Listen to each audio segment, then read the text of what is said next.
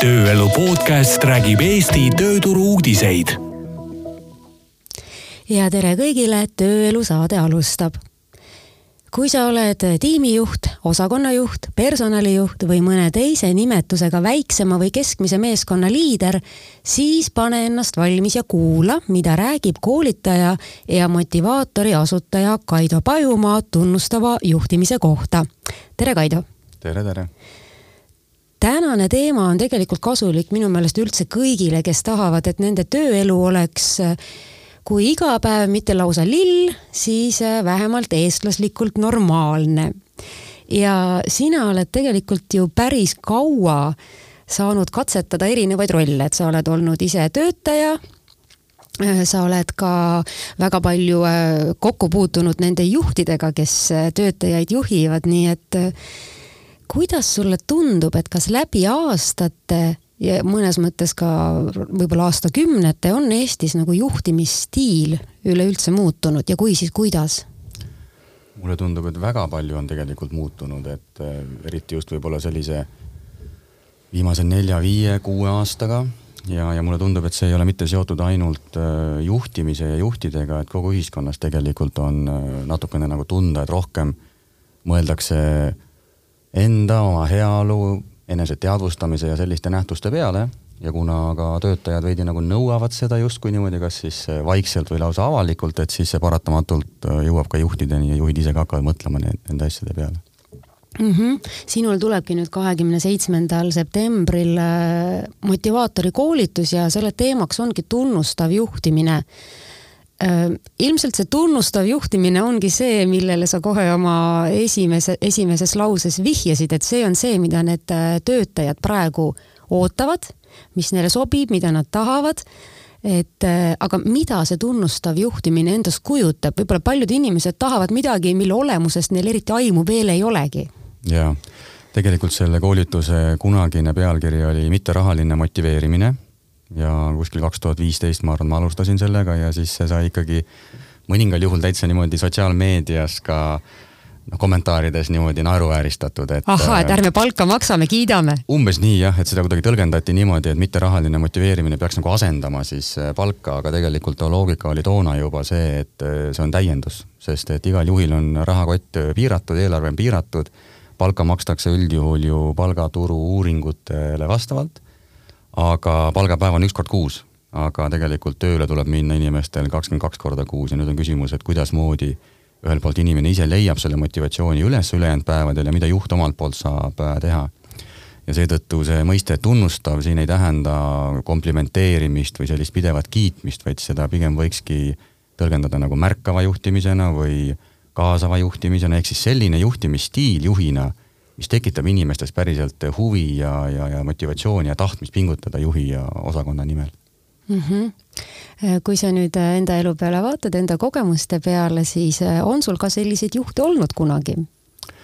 kusjuures on ja, ja mul on hästi hea meel, et omal ajal, kui ma Hansapangas töötasin, siis minu juht Tiit oli näiteks küll äh, tagantjärele mõeldes sellise tunnustava iseloomuga juht, et tal alati oli aega, ta alati tekitas minus selle tunde, et ma tahan tema nimel pingutada, ma vaatasin talle natukene alt ülesse ja ma olen palju tema peale mõelnud, et ta oli toona kahekümne seitsme aastane ja tõesti, ma ütleks, et ta oli väga-väga hea juht mulle.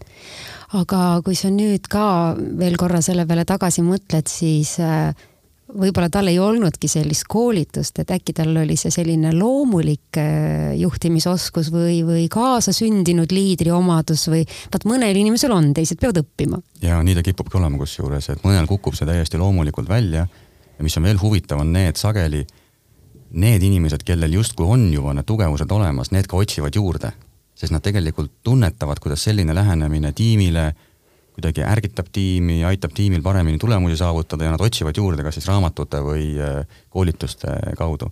aga need, kellele justkui kõige rohkem seda vaja oleks, kes tegelikult ei ole ise jõudnud selleni, et kuidagi ennast nagu kõrvalt vaadata, mõelda, missugune mõju minu juhtimisstiilil minu tiimile on või minu juhtimisstiilil minu tiimile, et need nagu ei jõua ja siis sageli neid natukene isegi saadetakse sinna koolitustele või siis tellitakse neile sisekoolitus, kuhu minnakse natuke niimoodi pika hambaga, et noh, halloo, et ma olen siin mingi kümme aastat või viisteist aastat juba juhtinud, eks ma ikka tean küll tegelikult, kuidas see juhtimine käib. samal ajal nii personaliosakond teab, kolleegid teavad, et seal meeskonnas on väga-väga palju puudujääke, head inimesed lähevad, aga juht nagu peeglisse vaadata ei taha, et äkki ka tema enda käitumises on mingisugune osa puudulik mm. -hmm no kas sa siis julged lubada, et sa avad nende juhtide silmad äh, uue juhtimisstiili osas? Äh, see on päris suur väljakutse.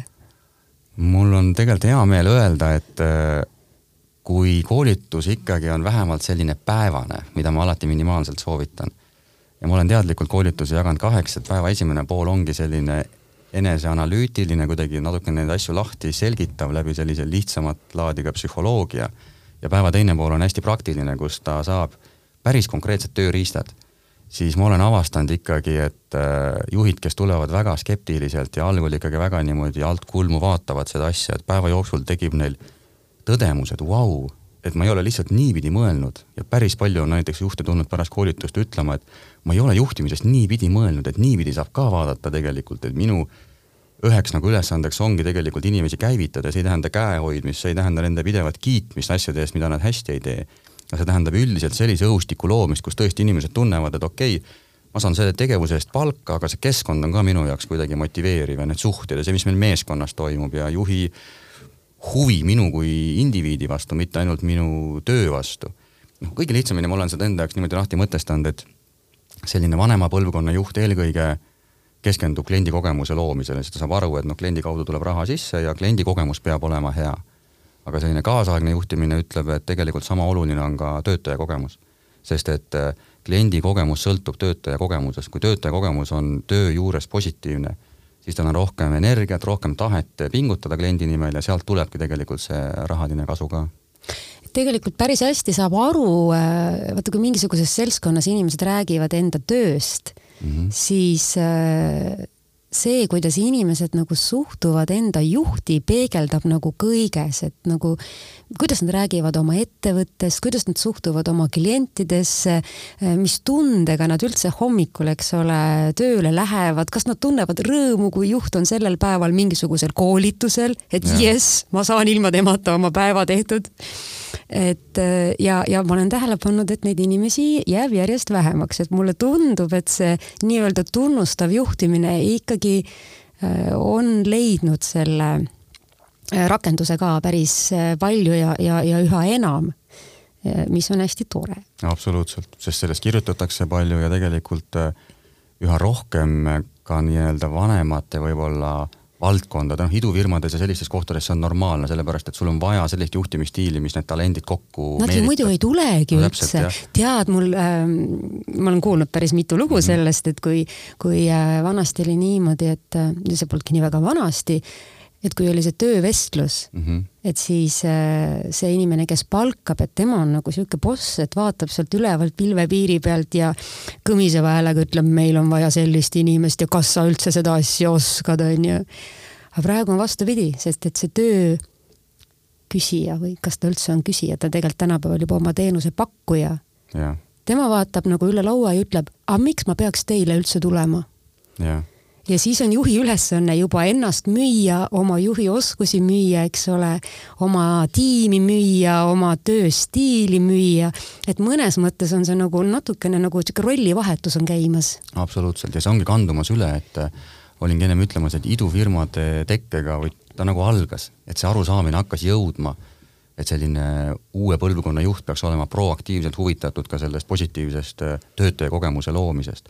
ja nüüd üha rohkem tegelikult ka nende vanemate põlvkondade juhid sellistes traditsioonilisemates valdkondades saavad aru, et vau, et äkki ei ole asi selles, et ma ei tea, automüügi valdkonnas oli nii ja jääb niimoodi või kuskil tootmises oli nii ja jääb niimoodi, et tegelikult inimesed on inimesed ja üha rohkem tuleb välja ka seda, et tõepoolest need uuema põlvkonna töötajad nad ootavad teistsugust äh, töökogemust, nad ei otsi lihtsalt äh, töökohta, kus palka teenida, nad päriselt on huvitatud enda arengust, nad on päriselt huvitatud sellest, et siin on mingi missioonitunne ja me teeme mingit asja millegi suurema nimel ja vahet pole, kas ma olen seda tootmisettevõttes tegemas, kuskil teenindusettevõttes või idufirmas, see vajadus on väga-väga sarnane. ja nüüd ühel hetkel nendel vanema põlvkonna juhtidel, neil ei jää tegelikult äh, muud üle, et nad peavad mõnes mõttes selle muutuse endas läbi viima. ja mulle tundub, et siin on kaheetapiline, et üks on selline paradigma muutus, et see tõdemus jõuab väga kiiresti kohale. et sa võid olla ka selline võib-olla viiekümnendates juht ja võib-olla kakskümmend viis, kolmkümmend aastat juht olnud ja kui sa kuuled ja mõtled, ma näen seda oma tunnustava juhtimise koolitustel, kuidasmoodi nende nagu silmavaade tundidega muutub, et nad tulevad, nad on skeptilised, oh ma tulen vaatan, mis seal on.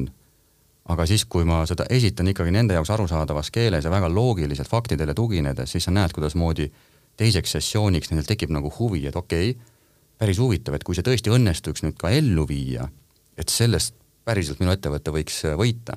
nii et see paradigma nihe toimub ära, et nad saavad aru, et okei okay,, võiks proovida, on järgmine küsimus, et kuidas seda praktikas teha?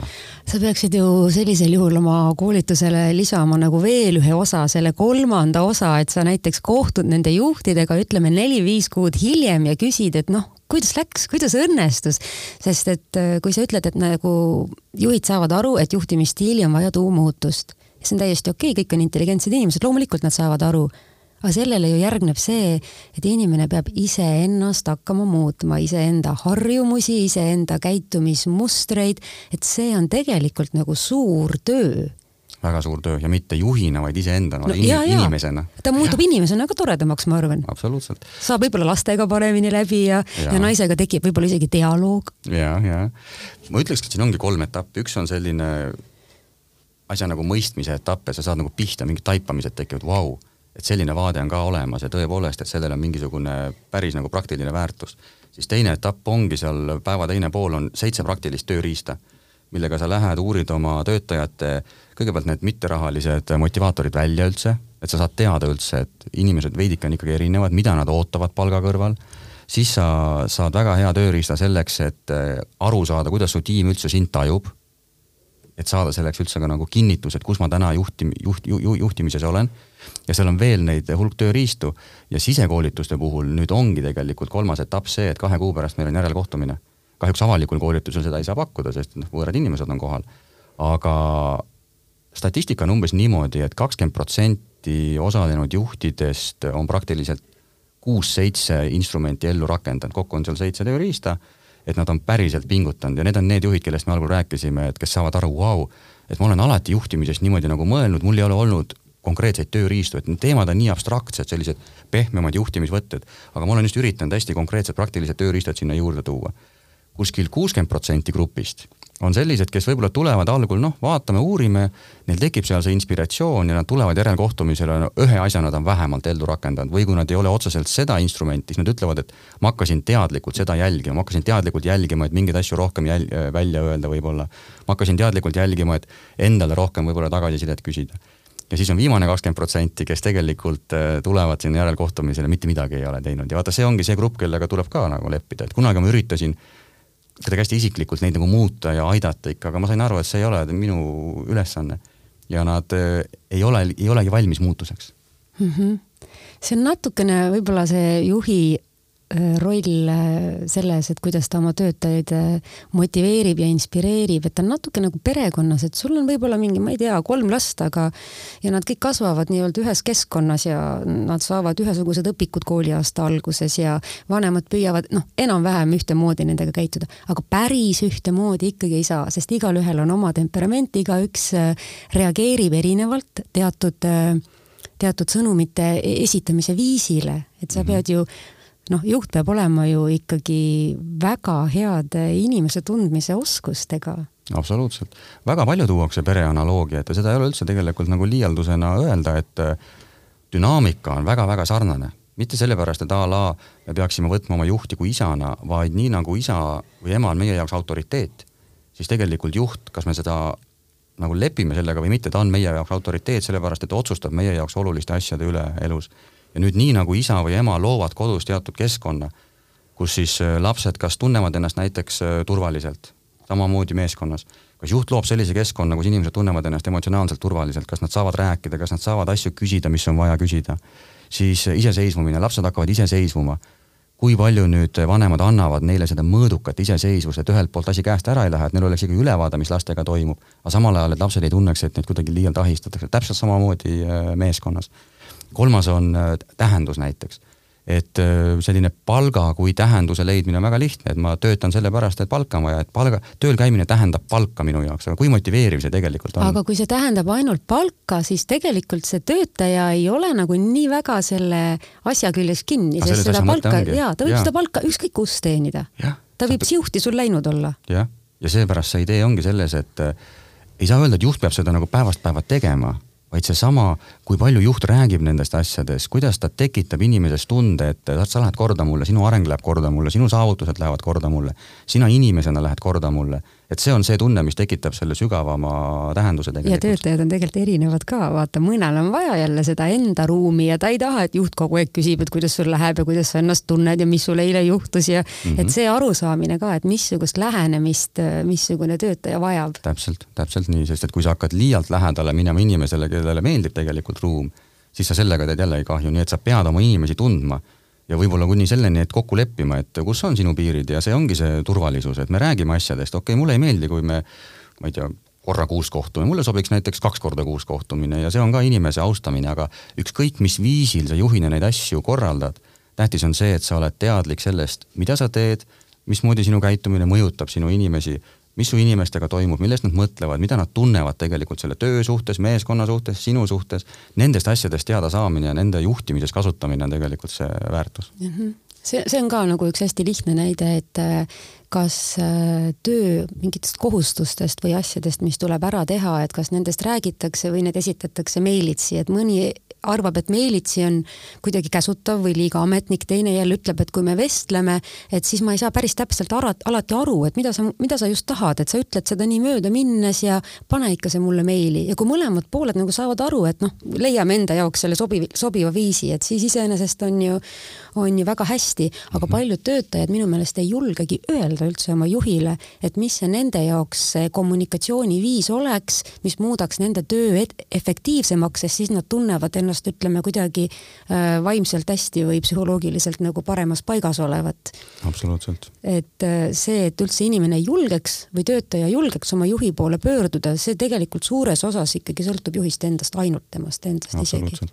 mitte ainult ei ole vist küsimus seal kanalis, et a la, et mõnele sobib äh, kirjastiilis, mõnele see oli lihtsalt üks ja, näide. aga seal on ka küsimus, et kuidas vaata juht seda kirjastiili kasutab, sest et väga paljudes ettevõtetes on see e-kirja kirjutamise etikett kuidagi täiesti ära lagunenud, inimesed pigem nagu väga napisõnaliselt äh, repliikide kaudu ja need inimesed, kes saavad neid kirju, et see tekitab nendes väga imelikke oota, kas ta on mu peale pahane või? jah, jah ja. ja kui juht kasutab sellist äh, kirjastiili, äh, siis see tekitabki inimestes tegelikult sellise nagu ebamugava tunde, et vau, et mida ma võin vastata, kas juhil on paha tuju, kas ma võin talle nagu läheneda. ja siis, kui juhiga näiteks rääkima hakkad nendel teemadel, juhtub ei, ei, mul on kiire lihtsalt, et seal ei pruugi olla taga seda negativismi, aga see, kuidasmoodi tajutakse et see hakkab mõjutama inimeste töökogemust. ja juhi, juhil peab olema ka tegelikult, olgugi et sul on kiire, sa pead teadma, kuidas mõni sinu konkreetne töötaja mingisugust sõnumit tajub ja see võib võib-olla tunduda ka juhile nagu mingisugune lisapingutus, aga see lisapingutus on kokkuvõttes tema enda tiimi jaoks ja.. Äh, kui sa nüüd, äh, et see rusikas lauale stiil on siis nüüd täiesti läinud, jah? ma ütleks, et äh, vabandust, et mingis olukorras rusikas lauale stiil on hädavajalik ka tunnustavale juhile. sest et kui sul on meeskonnas inimesed, kes päriselt ei pinguta või on sul inimesed, kes oma käitumisega kahjustavad ülejäänud meeskonda, siis pigem need juhid, kes ei julge rusikas lauale lüüa, ka neid võib öelda, et tegelikult see on vale, sellepärast et mõned inimesed seetõttu kannatavad seal meeskonnas, nii et tunnustav juhtimine ei tähenda absoluutselt ainult nagu äh, heaga pehmelt äh, suhete kaudu, vaid see tähendab tegelikult ka nõudlikkust. nüüd tõepoolest ma julgen öelda, et täna aastal kaks tuhat kakskümmend kaks võib-olla neid juhte, ma saan su nagu mõttest aru küll, mida sa mõtled selle all, et neid juhte, kes arvavadki, et juhtimine tähendab ainult rusikas lauale, kas neid üldse ei ole või neid on ikkagi väga-väga vähe. sellepärast, et me oleme ikkagi ühiskonnana nii palju edasi liikunud, et kõik saavad aru, et tegelikult inimeste väärikas kohtlemine on normaalne asi ka töösuhetes. aga see, et küll mõeldakse, et ma olen normaalne juht, ma olen motiveeriv juht, aga tegelikult see, kuidasmoodi kõrvalt teda nähakse, et seal võib olla kaks väga-väga erinevat äh, maailmapilti. et juht ise usub, et ta teeb tegelikult asju õigesti ja temaga rääkides sa näedki, et ta tahabki tegelikult asju õigesti teha. aga siis, kui hakata töötajate poolt küsima, et kuule, et kuidas teie seda tajute, siis seal võib olla väga suur äh, kuristik. Ja seetõttu mulle endale meeldib mõelda niimoodi, et igasugu palju juhtimisteooriaid on, aga kõige edukam juht on tõenäoliselt eneseteadlik juht. eneseteadlik juht on see, kes äh, jälgib ennast kõrvalt, kes püüab nagu aru saada, et kuidasmoodi tema käitumine neid inimesi puudutab, mõjutab ja julgeb sellele ka kinnitust küsida. ja vot see on selline haavatavuse märk, et sa lähed päriselt ja ütled, kuulge, et mulle endale tund-, noh, ma natuke niimoodi nagu lihtsustan, et mulle endale tundub, et äh, ma olen nagu päris hea ja motiveeriv juht, et kas ma tegelikult nagu olen ka või? Vot selle küsimuse küsimine oma tiimilt nõuab haavatavust, sest sa ei tea, kuidasmoodi reageeritakse sellele. ja tiimiliikmed on ka sellised hmm,, kas ma julgen öelda või? sest koolides tegelikult tehakse juba, mitmetes koolides tehakse sellist asja, et tagasisidet küsitakse õpetajate ja õpetajate õpetamismeetodite kohta, eks ja. ole. ja mul on kolm last, nii et ma tean. ja nemad ütlevad, et mm, ma kirjutaks aga ma tegelikult tean, et nad saavad teada, kes kirjutas mm. -hmm. ja siis ongi see, et, et kui sa sellest ei hooli, et siis, et teada saadakse, et siis oleneb nagu sellest inimesest, aga on ka selliseid näiteid, kus äh, see, kelle kohta tuli siis ütleme, konstruktiivne kriitika, ei suuda seda vastu võtta ja ta su-, võib-olla suunab selle ebamugavustunde, mida see kriitika tekitas oma töötaja peale ja jällegi ma ei tea, kas ta sinu koolitusel võib-olla õpib see juht seda asja kuidagi teisiti nägema, aga see on üpris reaalne stsenaarium, et see võib nii minna. absoluutselt. paljudel sisekoolitustel, ükskõik, kas on siis juhtimiskoolitus või meeskonnakoolitus, ma soovitan ette teha just sellise väikse küsitluse, kus ongi siis kolm plokki, üks on see, et kuidas sa tajud oma tööd, teine on see, kuidas sa tajud oma meeskonda ja kolmas ongi see, et kuidas sa tajud oma otsest äh, juhti ja kui ma juhtidel palun seda siis oma tiimile saata, siis ma annan neile praktiliselt nagu kaaskirjaga ette, et et kuidas läheneda töötajatele selle küsitluse saatmisel, et nad tõesti oleksid valmis äh, vastama ja pärast ka natuke nagu utsitan, et et kui sealt tuleb ka sellist kriitilisemat tagasisidet, et kuidas selle kriitilise tagasisidega käituda, et järgmine kord sa saaksid seda uuesti, sest see on nagu kingitus sulle ju. ära võta seda rünnakuna, see on ju hea võimalus teada saada, mis nende peas tegelikult toimub, see ei pruugi tõde olla. aga see on nende isiklik tõde ja see isiklik tõde mõjutab nende käitumist ja sul on vaja teada, kuidas nad tegelikult asju näevad, sest et siis sa saad mingisuguseid asju muuta, kui see näiteks on kuidagi moonutatult, äh, paistab nendele. absoluutselt on see oluline, ükskõik, kas sa oled koolis või sa oled äh, töökeskkonnas. Äh, võib-olla hea ongi nagu vaadata seda tunnustava juhtimise teooriat läbi sellise enesemääratlusteooria tegelikult, kus on siis väga selgelt paigas inimeste sellised sügavamad vajadused ja oma töös ma kasutangi siis nelja sellist lähenemisnurka, et mida sa palga kõrval tegelikult töökeskkonnast ootad? see on tegelikult, ma tahaks küll teada, et mida, sest kui üldiselt on see, et inimesed juba, vaat ma nüüd ma jõudsin selleni. Kui su koolitus on üliedukas ja ma loodan, et see läheb nii, siis kõik juhid on väga tunnustavad ja toredad juhid ja siis ongi, siis jääbki alles ainult palk see, mille järgi sa hakkad oma valikuid tegema, sest et igal pool on nii õudselt tore, aga antud juhul on praegu see olukord veel suhteliselt vastupidine yeah.. et äh, töötajate kriis on päris suur. Äh, pigem kiputakse palga abil üle ostma ja hea juht, et kas sinu töötaja nüüd läheb konkurendi juurde või mitte ei sõltu tegelikult ainult palgast, vaid sellest ka, et kui ta ennast tunneb sinu juures nii hästi, on ju, ja turvaliselt, siis tal võib tekkida see küsimus, aga kas ma selles teises kohas tunnen ennast nii hästi, et ütleme, see kakssada viiskümmend eurot kõrgem palk on seda väärt. nii ongi ja, ja ka nendele kuulajatele näiteks praegu, kes ei plaanigi sellele koolitusele tulla ja see on täiesti okei okay.. et äh, mõtle niipidi, kui sa oled juht näiteks et mida su töötajad ootaksid ja pane ennast näiteks töötaja positsiooni, siis äh, loomulikult sa tahad saada turu mõttes õiglast palka. töötaja mõttes õiglast palka on raske maksta, sest et iga töötaja tunneb, et äh, noh, tegelikult keegi kuskil ikkagi saab nagu rohkem ja see töö on rohkem väärt, aga kui sa maksad turu keskmist palka, ehk siis selles piirkonnas selle töö eest umbes nii palju makstaksegi, paned sinna mõne protsendi peale, siis vähemalt keegi ei saa sulle öelda, et äh, sa ei väärtusta oma inimesi rahaliselt. ja nüüd, kui sa hakkad sinna juurde panema, et okei okay,, ma olen töötaja, mul on normaalne palk, et umbes nii palju makstaksegi sellise töö eest. ma lähen tööle, mul on normaalne kollektiiv. mis tähendab seda, et juht on loonud äh, sellise meeskonna, kus on ikkagi üksteist äh, austavad, üksteist väärtustavad inimesed, hea selline meie tunne, meie vaim.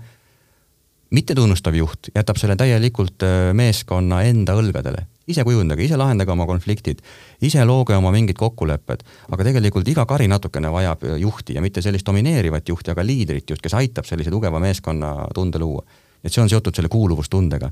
teine asi, kui sa hakkad mõtlema, mida sa tahad sealt tööd, sa tahadki, et sind austatakse inimesena, sulle antakse valida, et mis piirid sulle sobivad. kui palju sellist paindlikkust, kui palju mm, sellist öö, vabadust ise mingeid asju otsustada ja kui sa saad seda, siis mõtled, vau, mulle makstakse normaalset palka, mul on siin ägedad inimesed ja mul, mind usaldatakse nii palju, et ma saan ise otsustada, kuidas ma mingisuguseid asju teen. kolmanda asjana sa tahad tegelikult tunda, et sa kuidagi õpid mingeid uusi asju, sest et me kõik oleme ikkagi kas teadvustatult või mitteteadvustatult nagu arengule orienteeritud ja kui see töökeskkond nagu võimaldab sul saavutada mingisuguseid võiduelamusi, eduelamusi kogeda, siis see on super. ja neljas ongi see tähendus, millest me ennem rääkisime, et kui ma tunnen, et minu tööl käimise mõte ei ole ainult palk, vaid ma tunnen, et sellel kõigel on mingi sügavam tähendus minu jaoks. siis tekib küsimus, mida ma ühelt ideaalselt töökohalt veel tahaksin, mul on normaalne palk, mul on normaalsed inimesed, normaalne juht, kes usaldab mind, ma tunnen, et sellel kõigel on mingi sügavam mõte ja ma arenen ja õpin ja saavutan siin ka. ja see ongi tegelikult väga lihtne võrrand, nüüd on küsimus, mis need praktilised võtted on, et palga kõrval neid asju tuua esile nähtavale nende töötajate jaoks? no jaa, aga no oletame, et sa ähm teed sellist suhtelist liinitööd mm. -hmm. no lõikad päev otsa mingisugust detaili mm. -hmm. mõnikord on raskem luua sellele nagu sügavamat mõtet, ehkki kui sa mõtled sellele, mis sellest detailist edasi saab, et siis sellel mingi mõte ikkagi on mm. -hmm ja kui sul ei ole ka võib-olla eriti nagu seda aega või võimalust seal oma töökaaslastega mingi mõnusalt aega veeta või vestelda, siis äh, mulle tundub, et sellisel juhul on see juhi roll võib-olla isegi nagu suurem tema ongi. tekitab nagu rohkem seda tunnet, et kas ma olen ikka siia detaili lõikamisele oodatud või kas sellel tegevusel on üldse mingisugust tähendust või? absoluutselt, mul on konkreetne näide mõned aastad tagasi, kui oli üks väike plastiku tootmise ettevõte ja juht otsis motivatsioonikoolitust, sest noh, tunduski, et inimestel on motivatsioon kõigil kadunud.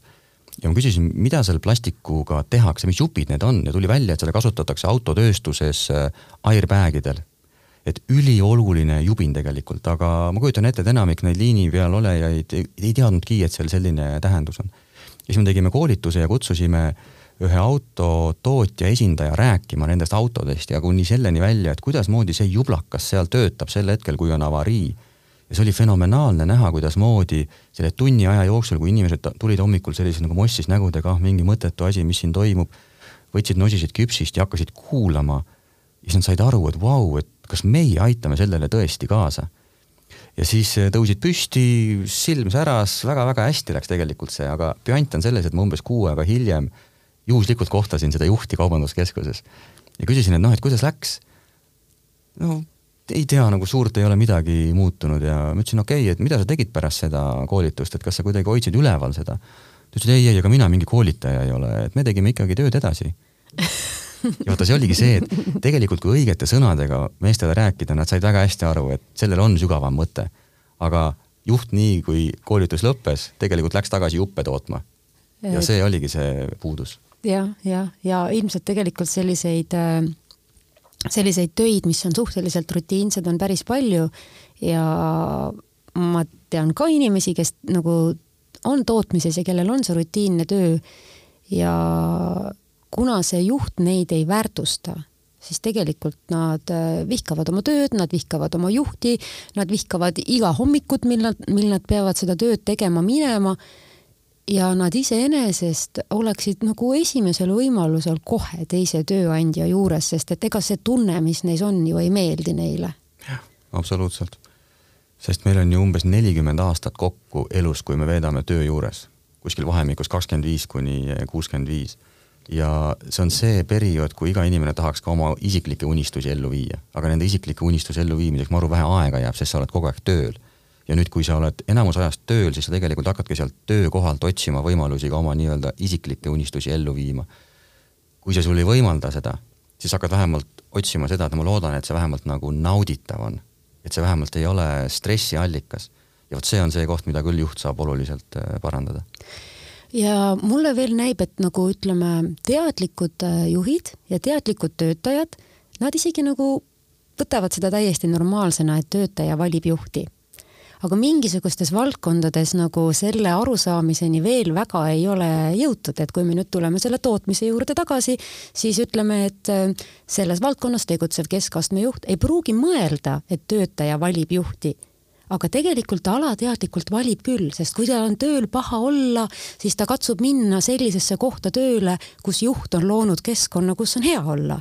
jah Siin see pole päris nii, nagu IT-vend valib juhti, et noh, miks ma teile siia üldse peaks tööle tulema. ja see kõlab, see kõlab natukene isegi idealismina ja ma saan aru su mõttest ja nii ongi tegelikult. ei no see töötaja isegi ja. ei pruugi ise aru saada, et ta valib juhti. selles kontekstis ja, ja selles kontekstis absoluutselt. ja aga ta tegelikult otsib võimalust, et kuidas ma saaks ennast nagu paremini tunda. jah, sest et miks ma ütlen, et see on natuke idealism, et see tegelikult ideaalis peaks nii olema, et äh, me suudame tööjõuturule luua nii palju väärtust, et selle käigus me ka, meil peaks olema valikuvõimalus ka oma juhti natukene valida.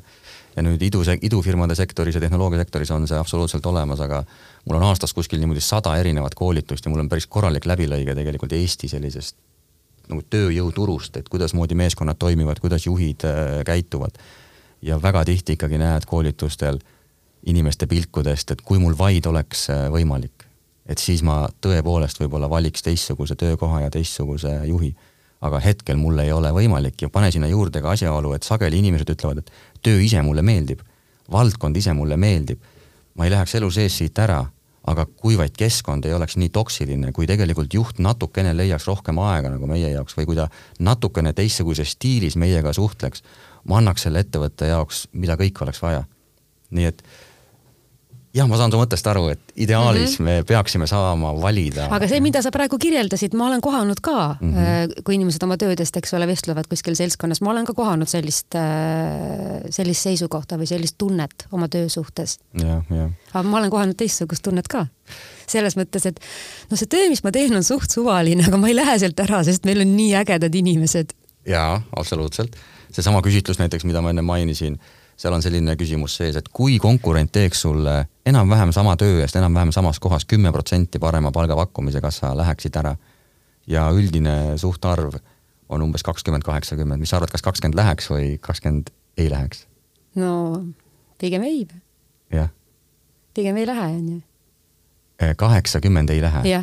kakskümmend läheb. okei okay,, ja, ja, ja ma mõtlesin. ja seal on siis eh, küsimus, et kui sa ei lähe, mis on sinu peamine põhjus ja üldjuhul esimene ongi inimesed sinna tulevad siis juurde juht, sinna tuleb juurde vabadus, ehk siis needsamad neli asja, millest ma ennem rääkisin, need tegelikult loetlakse, loetletaksegi ülesse. nii et see on midagi, mida inimesed juba tunnetavad ja vajavad, et meil ei ole vaja mingit enesemääratlusteooriat selleks aga nüüd ongi just küsimus, et kuidas juhid saaksid neid rohkem niimoodi nagu võimendada, et seda tõesti tunda oleks. ütleme, et ma võin oma raamatupidamistöös neid numbreid kokku lüüa, kus iganes, eks ole, see töö on suht sama mm -hmm. ja võib-olla ka üpris rutiinne teinekord, aga samas, missuguses keskkonnas ma seda teen. et kas, kas ma lähen nagu tööle siukse mõttega, et tuleb üks nagu äge päev, on ju mm, -hmm. mille käigus ma löön ka numbreid kokku. aga tead, mis on äge veel või? kui võtta nüüd need juhid, kes näiteks selle koolituse järgsel perioodil, see paar kuud, mis on enne järelkohtumist, kui nad võtavad kas või ühe asja ja lähevad ja natukene nagu võib-olla kui sa oled seni olnud selline domineeriv ja võib-olla autoritaarne juht, et sa lased natukene isegi võib-olla kõrvad niimoodi lonti ja lähed ja ütled, kuulge, teeme näiteks sellise harjutuse ära ja ma alati soovitan, et ütle, et sa käisid koolitusel või ütle, et sa lugesid mingi raamatu läbi ja hakkasid mõtlema, et, et võiks mingeid asju proovida koos teha. ja nüüd need, kes lähevad ja proovivad, siis see reaktsioon, mis töötajatel ta on, on ikkagi üheksakümmend viis protsenti ülipositiivne. et kui nad näevad, et juht astub ühe sammu, siis nad astuvad kolm sammu kohe juhile vastu mul tuli praegu meelde, et äh, minu kunagises töökohas, et äh, juht ja siis temast järgmine inimene üks päev tulid tööle ja nad olid suhteliselt teistsugused. siis mm -hmm. mõtlesime, et issand jumal, nad vist käisid koolitusel. sellepärast tulebki ise öelda, et ma käisin koolitusel sest et kui sa hakkad lihtsalt hullu panema seal, siis see jutt hakkab levima, et noh, ja ma tean, kunagi oli üks koolitus, kus äh, sekretäri käest mindi küsima, et kuule, et mis juhiga juhtunud on, et juht paneb jumala hullu. ja siis sekretär ütles, et käis koolitusel, üldjuhul normaliseerub kahe nädalaga ja normaliseeruski. kahe nädala pärast tuli vana jõmm tagasi, kõik läks vanamoodi, vana, vanamoodi edasi ja seepärast ma ütlen, et võta need äh, seitse asja jaga need umbes kahe-kolme kuu peale ära, kõigepealt ütle, et ma olen mingisuguses programmis, ma tahaksin proovida, eesmärk on tegelikult äh, meid meeskonnana tugevamaks muuta, tee iga paari nädala tagant üks asi, aga ütle, et sa teed seda teadlikult, ära hakka vaikselt susima, sest nad mõtlevad oma mõtte, tagamõtte välja, et mida juhil vaja on, a la sa lähed näiteks neid äh, lisamotivaatoreid välja selgitama, seal on väga-väga efektiivne harjutus, et teada saada, et missugune nendest neljast siis on sinu jaoks kõige olulisem. ja kui sa lähed juhina ja ei ütle, et sa tegelikult, miks sa teed seda, ilmselgelt nad mõtlevad, et aa, ta tahab teada saada, kes ei ole motiveeritud ja kes on, et järelikult, kes ei hakatakse ole vallandama. hakatakse vallandama. et sa pead nagu rääkima ära selle asja. kuule, kas sa hoiad koolituse jaoks või ütled mulle ka, et mis need motivaatorid on, et ma saan enda eluga ka väikseid paralleele tõmmata? kusjuures needsamad neli asja ongi. Nendele samadele neljale asjale me seal keskendumegi mm, -hmm. lihtsalt äh, niimoodi välja öeldes nad on väga abstraktsed aga need ongi tööriist selleks, et tegelikult luua selline avatud ja tugev meeskonnavaim, et tõesti inimesed nagu tunnevad, et see meeskond hoiab kokku.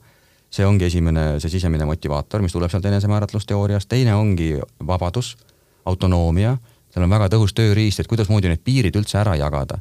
et ühelt poolt, kuidas sa juhina saaksid nagu aega rohkem juurde endale, aga teiselt poolt tekitada inimestele tunne, et et sa võid ise otsustada, sul on rohkem tegutsemisvabadust. kolmas ongi tähendus et kuidasmoodi tekitada seda sügavamat äh, töötähendust, et kui sa oled see tootmisettevõtte mingi meister, siis sa kuuled, et peaks oma töömeestele nagu sügavamat töötähendust looma. aga ma olin ise nagu võib-olla pool aastat tagasi alles see töömees. nüüd ma pean hakkama nagu siin nendele töötähendust looma, et no kuidas ma teen seda. ja vot seal ongi see instrument, et vaata, et niimoodi see juhtub ja täpselt samamoodi ka sellele arengule, et äh, seal on väga efektiivsed äh, vahendid selleks, et tagasisidet anda, tagasisidet saada. et ma olen üritanud just teha nii praktiliseks, et sa praktiliselt pead minema ja lihtsalt ära tegema selle, see võtab aega võib-olla pool tundi, sa saad kogemuse, sa näed, kuidas tiim reageerib ja saad sealt edasi liikuda, aga see esimene samm on vaja enda poolt ära teha, et nad ei, mitte midagi ei muutu, kui sa ise ei võta ette seda, et see on see kõige võib-olla keerulisem osa sellest nii et kogu see, kogu selle juhtimiskoolituse, ütleme, põhi äh, point on see, et, et juht, et nagu ole teadlik juht, et saa aru, kes sa ise inimesena oled ja kuidas sa suudad oma äh, töötajaid siis ütleme mõista ja motiveerida. võib niimoodi öelda, aga ma isegi sõnastaks, et see on pigem nagu kõrvalprodukt, sest mm -hmm. et tegelik idee on selles, et kuidasmoodi aru saada ja eristada iseendas seda spetsialisti osa juhina ja nüüd selle liidri osa. iga juht peab mingil määral tegema spetsialisti tööd, eriti kui sa oled esma- ja kesktaseme juht.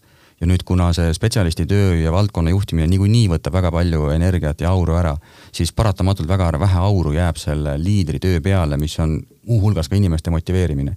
ja nüüd ta aitab väga selgelt aru saada, et mis on see liidri töö praktiliselt, et kuidasmoodi, mis asju teha, et see motiv-, motivatsioon tegelikult ka tekiks sellel tiimil tead, ähm, praegu ma hakkasin mõtlema selle peale, et äkki on äh, alati igal pool on neid, kes lihtsalt seanahka veavad, aga üldiselt mulle tundub, et Eesti inimesed on pigem ületöötanud, nii töötajad kui juhid, et võib-olla neil pole seda ruumi üldse ega aega et mõelda selle peale, et mis neil tegelikult nagu vaja või puudu on, sest et kogu aeg on nagu üks tööülesanne teise otsas.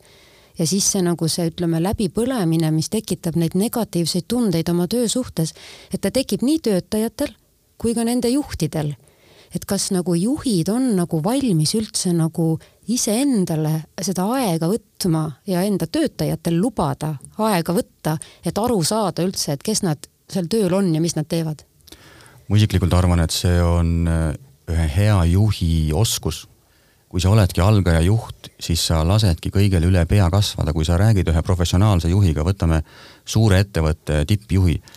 ma kujutan ette, et äh, teie enda tippjuhil, tal on nagu tegemisi nii palju, aga ta sellegipoolest leiab aja võib-olla lugemiseks, võib-olla trenniks, võib-olla mingisuguseks selliseks kohtumiseks, mis võib-olla on kolmanda või neljandajärguline, vaid seesama oskus ka oma aega jagada, prioritiseerida, see kuulubki hea juhi juurde, kui sa oled spetsialist olnud ja saad juhiks, esmatasandi juht, ja sul lained löövad üle pea kokku ja siis sind saadetakse koolitusele, kus öeldakse, nii, hakka veel seda tegema, hakka veel seda tegema, siis tundubki algul, et see ei ole võimalik.